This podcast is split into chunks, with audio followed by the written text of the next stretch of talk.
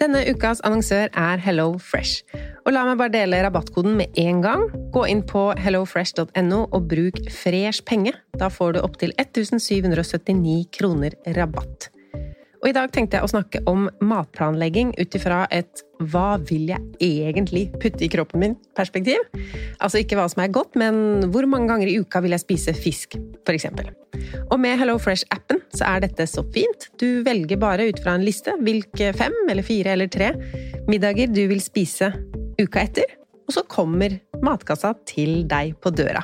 Og du trenger ikke å tenke noe mer på hva du skal spise. Denne uka så blir det for meg to fiskeretter, to vegetarretter og en kyllingmiddag til guttene. Gå inn på hellofresh.no og se selv hva du kan velge mellom. Bruk koden FRESHPENGE for å få opptil 1779 kroner rabatt på de første seks matkassene dine, pluss gratis levering på den første kassa hvis du ikke har prøvd Hello Fresh tidligere. Rabatten kan du også bruke hvis du har vært kunde hos Hello Fresh, men det er mer enn tolv måneder siden.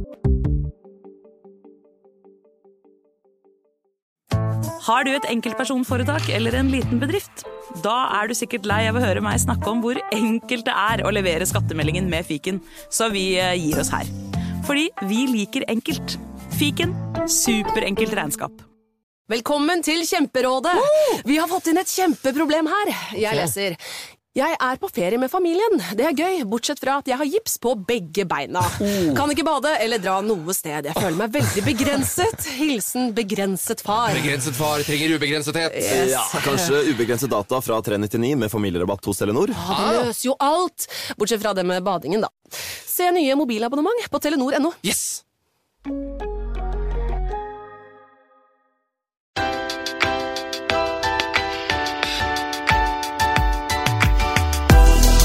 Hallo, og velkommen til en ny episode av Pengesnakk podkast. Det er fredag. Ikke nå, det er torsdag når jeg spiller inn. Og det er forresten kanskje ikke fredag for deg som hører på heller, når jeg tenker meg om. Men det er fredager podkasten kommer ut. Annenhver fredag. Jeg heter Lise, og jeg er her for å snakke om penger, sparing og økonomi som vanlig. Denne uken kjører vi spørsmål og svar. Jeg har fått en del inn fra dere. Men først. Jeg digger at mange av dere er med på dette selge 100. Hashtag selge 100 på Instagram, som handler om å selge unna ting vi ikke trenger. Og etter å ha snakket med flere av dere om den challenge, kan vi kalle det en challenge, målet er jo å selge 100 ting. Men som jeg sier, hver solgte ting er penger inn og rot ut. Men jeg har funnet ut at det faktisk er enda mer enn rot ut og penger inn. Selv om det også er bra, og grunnen til at jeg startet med dette. For det er noe mer som skjer når man begynner å selge unna ting man ikke trenger lenger. For det første så er det litt styr. Det er verdt det, men det er litt styr. Du må ta bilder, lage en annonse, finne riktig pris for det du skal selge, svare på henvendelser, og så må du kanskje være hjemme når den saken skal hentes, eller du må gå til postkontoret med den. Og når det er en jobb å kvitte seg med saker og ting, altså alternativet å kaste føles jo ikke noe godt, så er det mye bedre å selge, og det er også bedre å selge enn å beholde noe som bare blir eh, rot. Det er ikke noen grunn til å ta vare på masse ting som bare fyller opp. Jeg vet i hvert fall med meg at jeg blir litt sur av rot, så jeg liker å ha minst mulig ting. Men det jeg skulle si, når det er en jobb å kvitte seg med ting, så begynner man også å tenke og reflektere. Jeg skal ikke dra inn så mye mer. Unødvendige ting. Jeg skal ikke kjøpe en ny T-skjorte som jeg kanskje kommer til å bruke et par ganger denne sommeren, og så aldri igjen. Sånn opplever jeg det, nå som jeg har begynt å selge unna enda mer enn det jeg har gjort tidligere år. Og jeg hører fra dere at det skjer med dere også. Og en annen ting er at man blir mer bevisst på det her med kjøp og salg av brukt. At man også kan kjøpe brukt. Uansett hvor rar ting man ønsker seg, se om du kan få tak i det brukt først. Det blir litt mer top of mind med bruktkjøp når man selv driver med brukt salg. Og det er jo bra. Det er bra for miljøet, det er bra for lommeboka, og så er det ganske gøy å handle på den måten. Det er litt mer spennende enn å gå inn i en butikk, søke litt rundt, se hva man finner. Du finner kanskje noe med litt mer sjel enn ja, et bord fra en møbelkjede.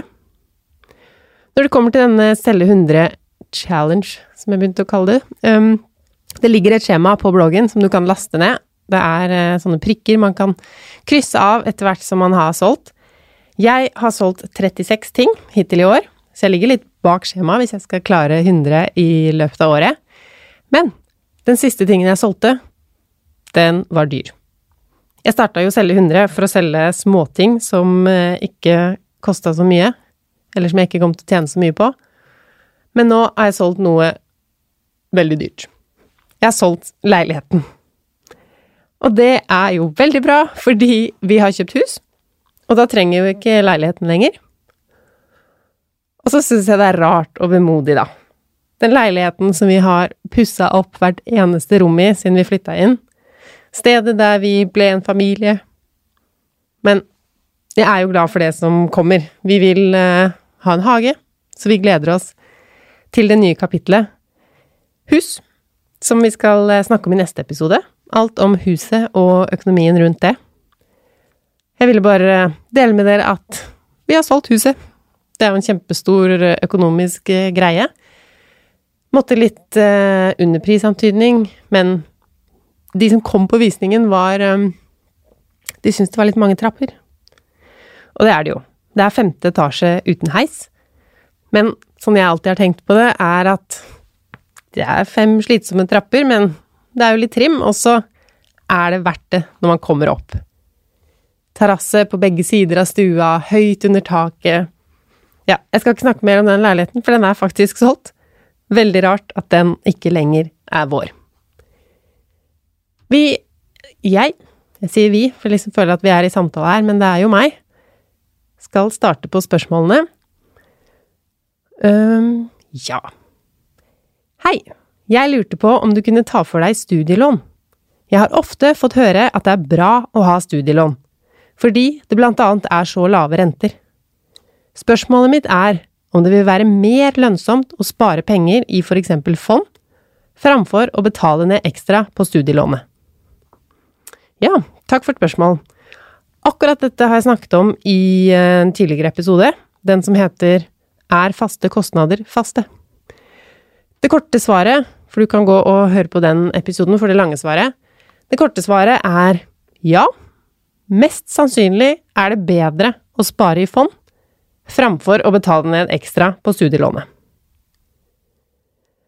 Så hvis du står i en situasjon der du lurer på om du skal bruke opp pengene eller betale ned studielånet, så lønner det seg å betale ned studielånet. Men hvis du står mellom å investere i noe med høyere avkastning enn renten på lånet, så vil det lønne seg å gjøre det, fremfor å betale ned. For når renten er, nå vet jeg ikke, den er vel rundt to på studielånet, hvis du setter pengene i banken til 2% rente, så går du i null. Setter du pengene i et fond som vokser med 5% 10% eller til og med 15% i året, så lønner jo det seg mer enn å betale ned. Så er det jo det her med usikkerheten og at det svinger. Så det blir en eh, individuell Altså, du må finne ut selv om du er villig til å ta den risikoen det er å betale eh, og heller spare i fond. Men på lang sikt så vil det aller, aller mest sannsynlig lønne seg å spare i fond framfor å betale ned på studielånet. Da var det altså snakk om å betale ekstra på studielånet. De vanlige innbetalingene kan du følge måned for måned. La det gå sånn som det er. Spørsmål to. Hei. Først, tusen takk for en fantastisk bra podkast. Endelig er sparing forståelig og motiverende. Det er en like stor glede hver gang en ny episode dukker opp. Jeg må jo ta med skryten, for det synes jeg er så koselig. Jeg har et spørsmål til episoden for spørsmål og svar. Jeg lurer på om høyt skattetrekk egentlig er en god sparemåte. På grunn av endringer i livssituasjonen har min lønn gått ned, og det påvirker så klart skatten min. Jeg har i dag prosenttrekk, og skattekortet for 2019 er lagt inn med ca. 200 000 kroner mer i lønn enn det jeg kommer til å faktisk tjene. Jeg legger meg alltid litt over på skattekortet hvert år for å være på den sikre siden. Jeg ser at jeg klarer meg godt økonomisk selv om lønnen min er lavere, uten at jeg har endret skattetrekk. Spørsmålet mitt er om det lønner seg å fortsette å trekke mye mer enn nødvendig, og få igjen rikelig på skatten i 2020, eller å endre skattetrekk nå, få litt mer utbetalt og benytte dette til månedlig sparing. Jeg sparer allerede til pensjon og i aksjefond. Dette har jeg også snakket om før. Det høres ut som jeg har drevet med det her veldig lenge, vi er kun på episode 13. Men i den episoden om eh, skattemeldinga så snakka jeg om akkurat det her. Og det er en dårlig sparemåte. Hvis du vil ha mest mulig ut av pengene dine, så er det en dårlig sparemåte å ha høyt skattetrekk. Renten i eh, skatteetaten er 0,59% Det er lite. Og de regner renter fra 15. mars, altså de første månedene av skatteåret, er det altså null i rente. Og så blir den 0,59. Så du kan få mye mer rente på sparekonto, nesten firedobbelt. Og så kan du få enda mer i fond, hvis den eh, sparinga du vurderer å gjøre er langsiktig nok til at fondssparing er et alternativ. Men det blir litt på samme måte som med det lånekassespørsmålet. Fordi hvis du står mellom å ha høyt skattetrekk og å sette det ned for å bruke det opp, så er det jo mer lønnsomt å ha høyt skattetrekk. Selv om det blir lite renter, så får du i hvert fall spart pengene, da. Hvis alternativet er at du da bruker de opp. Og så er det jo noe vi også snakket om i den, eller jeg snakket om i den skattemeldingsepisoden, at du risikerer, når du får de utbetalt året etter, å tenke at det her er gratis penger. Og det er jo tull. Det er jo dine penger, og hver av de kronene man får igjen på skatten, er jo like mye verdt som alle andre penger vi får inn i løpet av året. Hva skal man eh, egentlig bruke disse skattepengene på? Er det noen fasit? Det er mange som får inn eh, skattepenger nå, og samtidig med det så får de fleste av oss også feriepenger. Jeg delte noen tips i en eh, artikkel som jeg også delte videre på Facebook-siden min i forrige uke. Det kan hende dere har sett den. Men jeg kan også dele litt om det her. For det første du gjør med både skattepenger eventuelt og feriepenger, finne ut om du har råd til ferien uten å bruke disse pengene.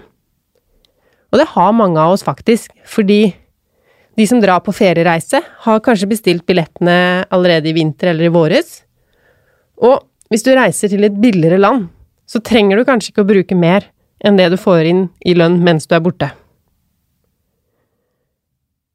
Så må du sikre at du har råd til å betale kredittkortregninger. De som kommer etter ferien, og de som kommer nå. Kanskje har du en kreditt som du aldri får betalt helt ned før neste måneds forbruk er i gang? This is your chance. Når du får inn litt ekstra penger nå, se på det som en sjanse til å betale ned kredittkortregninga. Rentene er kanskje over 20% på det her. Det er veldig dyrt. Så alt sånn som du har, om det er forbrukslån eller kort, få ned saldoen nå. Gjerne helt ned til null. Da blir sommeren litt bedre. Tenker det er litt sånn som de eh, pepperkakene i Hakkebakkeskogen. Stjålet mat er ikke noe godt. Og drinker kjøpt på kreditt, og som du må betale mangedobbel pris av i løpet av de neste åra, smaker ikke noe godt. Hvis du ikke har noe sånn gjeld, ingen store kredittkortregninger, eller har betalt ned saldoen og har mer feriepenger eller kanskje skattepenger, legg en plan. Hvis ikke man har en plan, så siver de bare sånn ut av lommeboka litt etter litt. Finn heller på noe som du vil gjøre med de pengene. Og det kan være hva som helst. Det kan være altså at du vil eh, kjøpe deg en eh, Pepsi Max hver dag i hele august. Hvis du tenker at det gjør hverdagen etter ferien litt lettere for deg.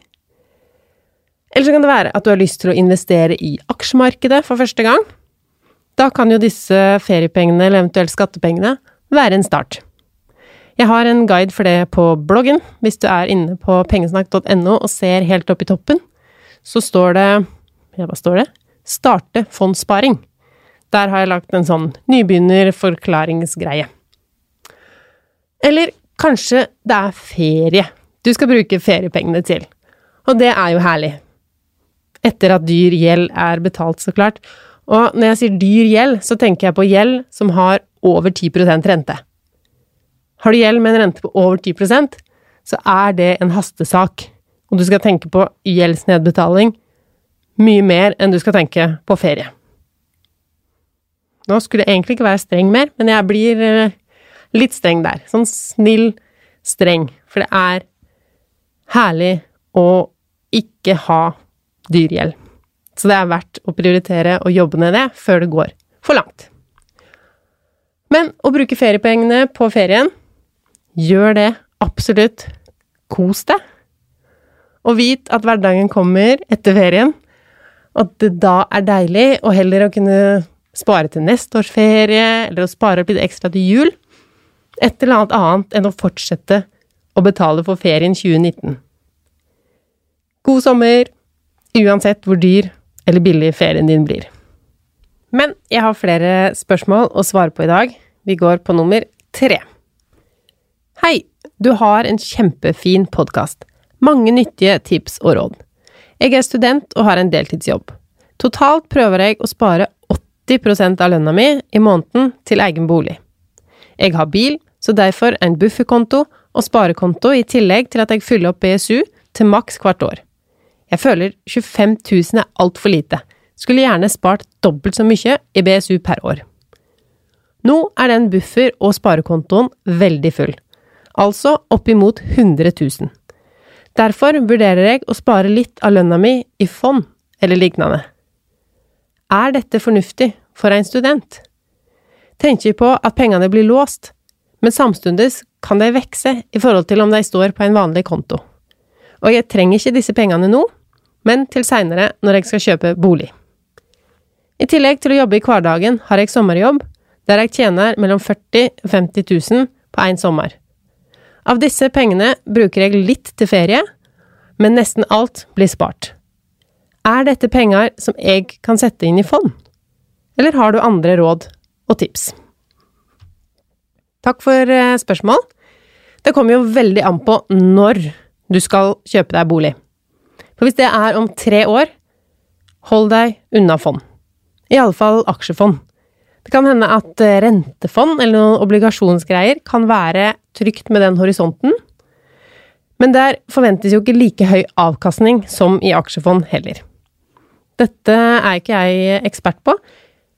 Nå kommer jeg på at jeg kan jo invitere inn noen som er eh, ekspert på fond. Det skal jeg notere meg. Eh, men for deg om huskjøpet er åtte år frem i tid, så ville jeg investert i fond. Bare vit at det svinger, og ha da en god plan på når du skal ta ut igjen pengene, timet opp mot dette boligkjøpet. Hvis det er kortere tid, finn heller en sparekonto med høyest mulig rente, og spar trygt. Og så kan du jo spørre deg da om absolutt alle pengene du sparer, skal gå til bolig, eller om du vil begynne å se hvordan aksjemarkedet fungerer, hvordan det er med fond, og hvordan det, markedet fungerer, hvordan du liker den type sparing. Så du kan jo ha et månedlig beløp eller noen av de sommerpengene som du sparer i aksjer, samtidig som hovedvekten av sparinga di går til det litt mer kortsiktige målet, som er hus eller bolig. Masse lykke til! Det var mye sparing og jobbing for en student. Jeg blir imponert. Det er kult å høre om. Neste spørsmål. Hei. Jeg kom over bloggen din for et år siden, og både bloggen og podkasten din har hjulpet meg så mye i min egen sparing og min motivasjon. Tusen takk for en fantastisk blogg og podkast. Og takk tilbake. Jeg tar med meg skrytet. Veldig koselig. Takk. Jeg er 30 år og singel, og har greid å kjøpe min egen leilighet. Hurra! Men jeg har noen spørsmål når det gjelder budsjett og regnskap som jeg håper at du kan hjelpe meg med. Jeg setter opp budsjett en gang i måneden, slik at jeg har god oversikt over sparing og forbruk. I begynnelsen førte jeg også opp regnskap, så det er her jeg trenger tips. Problemet er at når man har bankkort, så er det vanskelig å vite hvor mye penger man hele tiden har igjen på konto når pengene går til mat, dagligvarer, klær, legebesøk osv. Når jeg ikke fører regnskap løpende, så syns jeg det er umulig å vite om jeg plutselig ikke har nok penger igjen på kortet. I tillegg kan det jo plutselig komme et tannlegebesøk oppi det hele, som velter alt. Så har man jo også utgifter som blir trukket direkte fra kortet, eksempel apper som Storytel, og som man da må ha dekning for. Hvordan løser du dette? Satser du på at du har nok penger til neste lønning, eller fører du regnskap over alt du bruker underveis? Eller fører du regnskap på slutten av måneden for å se hva du har brukt? I så fall, hvordan kan du da vite at du ikke sprekker og sitter med bunnskrapt konto en uke før neste lønning? Beklager for langt spørsmål, men håper du har mulighet til å svare meg. Og det har jeg, vet du. Jeg har mulighet til å svare deg. Og det første jeg tenker, er at dette er litt personavhengig også. Hvor stor grad av kontroll og oversikt vi trenger. Jeg har eh, For min del så har jeg få ting som blir trukket rett fra kontoen min. Jeg har eh, trekk til fond når lønna kommer inn. Så har jeg trekk til to andre fond. Så har jeg barnehage, da. Og så har jeg kredittkortet, som kan variere en del fra måned til måned. Jeg fører ikke noe regnskap, bortsett fra da når jeg eh, skal rapportere til dere, eller vise at det går fint å leve for rundt 10 000 kroner i måneden. Men det jeg gjør sånn i hverdagen Jeg er inne i nettbanken kanskje en gang i uka. Da ser jeg om jeg skal godkjenne en e-faktura, og da kan jeg også se hva som skal trekkes framover. Flesteparten av de trekka ser jeg der, og så vet jeg jo hva de andre trekkene, altså hvilke beløp jeg trenger i tillegg. Så der, i hvert fall i min nettbank, så kan jeg sette sånn dato. Så da pleier jeg å ta datoen fra i dag og til neste lønningsdato. Og da kan jeg se om det beløpet som står på konto, er nok til det som skal ut fra kontoen fram til da neste lønning. Og så bruker jeg nesten ikke kort i hverdagen, så jeg fordi jeg bruker eh, Jeg bruker kredittkort. Så det forsvinner lite ut av min vanlige konto på sånn småforbruk. Og det kredittkortet, da har jeg jo alltid litt tid på meg når regningen kommer. Og når jeg ser at den kommer i eh, nettbanken, så kan jeg eksempel føre over litt fra bufferkontoen hvis vi har kjøpt noe ekstraordinært en måned. Eller så kan jeg si til mannen min at den stolen skulle du betale halvparten av, så nå passer det at du fører over noe sånt. Men hvis hovedproblemet ditt er at Hvis jeg har skjønt deg rett, da, så er jo hovedproblemet ditt at du ikke vet saldoen din. Og da lurer jeg på om du kan ordne deg sånn mobilbank. Eller sjekke om banken din har en tjeneste der du kan sende SMS. For det hadde, eller har, iallfall min. Da kan man sende kodeord saldo til et eller annet nummer, og så får man svar på hvor mye som står på konto. For for min del så gidder jeg ikke å føre noe regnskap. Jeg syns det koster mer enn det smaker. Jeg ser ikke den store nytten av det for min del. Det er gøy å se av og til. Og hvis man aldri har gjort det før, så vil jeg absolutt prøve å gjøre det noen måneder. Fordi du blir veldig bevisst på Du ser hvor pengene går, da. Og selv om man tror man vet hvor pengene går, så er det noe annet å faktisk sette det opp og se det. Da kan man kanskje se om man kan spare mer, eksempel, noe som jo er bra. Men for din del så høres jo ut som du har kontroll på både egentlig forbruk og sparing. Du bare mangler litt oversikt. Så da begynte jeg å tenke på sånne apper. Jeg er ikke så kjent med så mange av de. Det kommer en app til Norge snart som heter Spir. Den har jeg fått lov til å teste. Det kunne kanskje vært noe for deg. Og så finnes det noe som heter YNAB, altså You Need a Budget, hvor man også følger med gjennom måneden på forbruket. Men jeg er usikker på om den amerikanske er kobla opp mot bankkontoen din, slik som den Spir gjør. Så kanskje en app er løsningen for deg, at du kan få den oversikten du savner. Og hvis du eh, vil ha litt mer tips innen det, så tenkte jeg på to Facebook-grupper som jeg er med i. Den ene er den Moneypenny Norge. Der inne kan du spørre, det er sikkert noen som har erfaring med sånne apper der. Og en annen gruppe som heter Sparekollektivet, hvor de også er eh, flinke på sparing og sikkert har erfaring med um, apper for oversikt. Så prøv det. Det får bli rådet mitt. Finn en app. Spørsmål fem. Hei. Etter at du snakket om høyrente sparekontoer, tenker jeg at det kan være lurt å starte konto i en slik bank. Men hva bør man tenke på før man oppretter en konto? Hvilke banker gir høyest sparerente, men som fortsatt er trygge banker? Har du noen personlige anbefalinger? Synes podkasten din er veldig bra, og gleder meg til hver episode. Jo, takk skal du ha. Jeg eh, har jo snakket litt om høyrentekontoer før, og høy rente, det er jo litt eh, relativt. Det beste renta man kan få nå, er 2,3, som er det jeg har sett. Går an å søke litt på sånne kalkulator, for det endrer seg jo hele tiden hvem som faktisk tilbyr eh, denne høyst, aller høyeste. Jeg har bufferkontoen min i en annen bank enn min eh, sparebank, og det handler jo om høy rente. Utelukkende høy rente. Og den banken jeg har eh, valgt da, som var høyest på de barometerne da jeg sjekket, det er Nordax bank. Så jeg har ikke noen relasjon til den banken, annet enn at de hadde høyest rente. Det som er viktig å tenke på før man oppretter en konto i en bank man da ikke har hørt noe om før, det er å sjekke om banken er medlem i det som heter Bankenes sikringsfond. For er banken det, så er innskuddene dine trygge. Inntil to millioner kroner er eh, sikret og garantert for.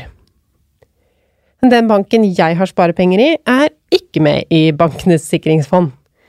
Og det er fordi Bankenes sikringsfond er en norsk greie, og jeg har eh, pengene mine i en svensk bank. Og den Altså, i Sverige så har de en egen eh, ordning, en svensk innsetningsgaranti, og det er like trygt.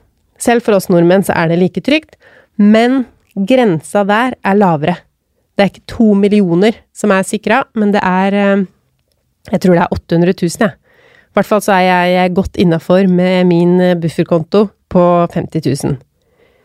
Så det jeg vil råde deg til, er å sjekke hvilke banker som har høyest rente akkurat nå, og å sjekke om den banken er med i sikringsfond i et eller annet land, og om da pengene dine er under den garantisummen. Spørsmål 6 Hei, jeg har hørt på podkasten din og synes du er inspirerende og veldig flink til å gjøre det enklere å forstå. Jeg er en 15 år gammel jente som nylig har hatt konfirmasjon. Jeg fikk 37 000 kroner i kontanter. Jeg har veldig lyst til å spare og investere pengene, og har lenge tenkt på å sette det i et indeksfond eller aksjer. I tillegg så skal jeg ha sommerjobb i sommer, og jeg har lyst til å spare mest mulig. Pengene skal gå til hus eller til studier, så jeg trenger ikke å bruke de på lenge. Har du noen gode tips til meg om hva som er lurt å gjøre? Bør jeg investere pengene i aksjer eller i indeksfond? Eller skal jeg bare sette det på en sparekonto? Wow! 15 år! Dette blir jeg veldig glad for å høre. Jeg var jo selv 15 år da jeg begynte å spare, og folk forteller meg ofte hvor urealistisk det er å begynne å spare til hus og sånne langsiktige ting når man er 15 år. Så det er godt å høre at det fins flere. Um, nå har det jo gått noen uker siden du sendte meg inn spørsmålet, så kan det hende du har tatt avgjørelsen allerede. Um, sparepengene Sparepengene, sier jeg, du må jo ikke spare alt. Det kan eh, være fint å bruke 10-15% av konfirmasjonspengene på noe du har lyst til akkurat nå, men samtidig, jeg sparte alt, og har aldri angra på det. Så først det med BSU. Jeg har snakket litt om det i den eh, episoden som heter noe med BSU, Men BSU er en konto med høyere rente, og man kan kun ta ut penger ved kjøp av ny bolig eller oppussing av den boligen man har. Du kan maks spare 25 000 per år, og den aller største fordelen med BSU er skattefradraget. 20% av det du setter inn, kan du nemlig trekke av på skatten. Så hvis du klarer å spare 25 000 kroner i året, så er det snakk om 5000 kroner mindre du må betale i skatt. Så problemet, eller ulempen da, er at hvis man ikke betaler skatt, for da har du ikke noe å trekke de 5000 kronene fra. Så rådet mitt til deg er at hvis du tjener mer enn altså nok til at du betaler over 5000 kroner i skatt, sett inn 25 000 på BSU. Og så kan du begynne å spare eller samle opp til du har 25 000 kroner klare til januar neste år. Fordi da får du hele BSU-året med full eh, BSU, altså fullt beløp, de 25 000, og den gode renta hele året. Men hva med investering? Du sier du vil investere, og det som er så gøy med at du vil investere, er at du er så ung at du får mange år med det som heter rentes renteeffekten. Og hvis jeg skal gi deg et generelt råd, så vil det være å investere i fond, og ikke i enkeltaksjer. Fordi enkeltaksjer så satser du jo alle pengene dine på at de aksjene du har plukket ut, skal gjøre det bra. Men i et fond så kjøper du deg små poster i veldig mange selskaper, så da er det mindre risiko enn hvis du satser alle pengene på ett eller to firmaer. Men det er fortsatt risiko i fondet også. Det kommer til å svinge masse. Men det er ikke så farlig for deg, fordi du har tid til å vente til markedet snur. Så finn et fond med lave forvaltningshonorarer, er mitt tips. Gjerne et eh, indeksfond, fordi du skal ha pengene der i såpass mange år. Og forvaltningshonoraret er jo også noe som betales hvert eneste år, så det blir mye over tid. Men hvis du er ekstra interessert i dette aksjemarkedet, som det kanskje høres ut som det er, siden du allerede som 15-åring eh, spør om eh, dette Jeg sparte alle mine konfirmasjonspenger i vanlig bankkonto, så det var jo ikke mye avkastning på det. Så det er jo gøy at du er interessert i å få mest mulig ut av pengene dine. Hvis du syns at indeksfond blir kjedelig, så må du gjerne ta høyere risiko med en del av pengene. Um, hvis vi går tilbake til det jeg sa i stad om at du gjerne må finne på noe gøy med de konfirmasjonspengene dine, at du kan bruke opp 10% eller 20% på noe gøy, men kanskje ikke du vil gå på shopping. Da kan jo du ta deg råd til å ta litt risiko jeg har sett nå i min bank at den kurtasjen, som det heter, det er det beløpet man betaler for å kjøpe aksjer, det er nå lavere for unge folk. Eh, men for at du skal kunne opprette en sånn aksjesparekonto i ditt eget navn, så må begge foresatte signere på den kontoavtalen. Man trenger altså at begge foreldrene dine syns det er greit at du begynner å investere. Og så trenger du jo ikke å investere alt med en gang, eller alt i samme selskap. Du kan finne fram til noen eh, børsnoterte selskap som du har tro på. Kanskje en tjeneste du ser at du og vennene dine benytter, eller noe som er i vinden og kommer fortsatt til å være det om 10-20 år, og invester litt i dem. Eller så kan du gjøre det tryggere og holde deg til fond. Og disse fondene vil jo svinge. Så det jeg anbefaler, er å gå inn litt over tid. At du ikke går inn eh, med hele beløpet på en gang, men at du kan gå inn med et månedlig beløp. For det første så får du da muligheten til å kjenne litt på hvordan det er å ha penger i aksjemarkedet.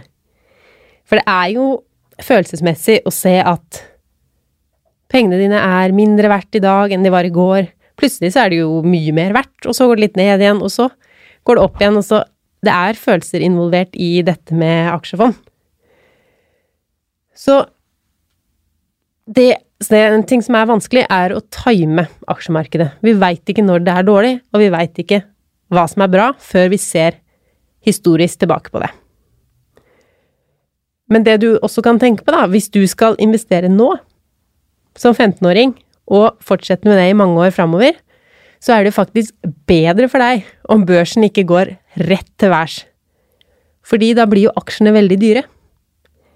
Da er det jo bedre at markedet ikke vokser så fort, og at det også kanskje går litt nedover.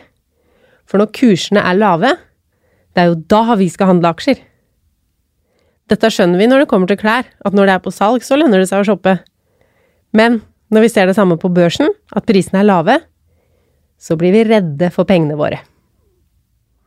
Det eneste som er viktig da, er å ha nok is i magen til å ikke ta ut penger når de er mindre verdt.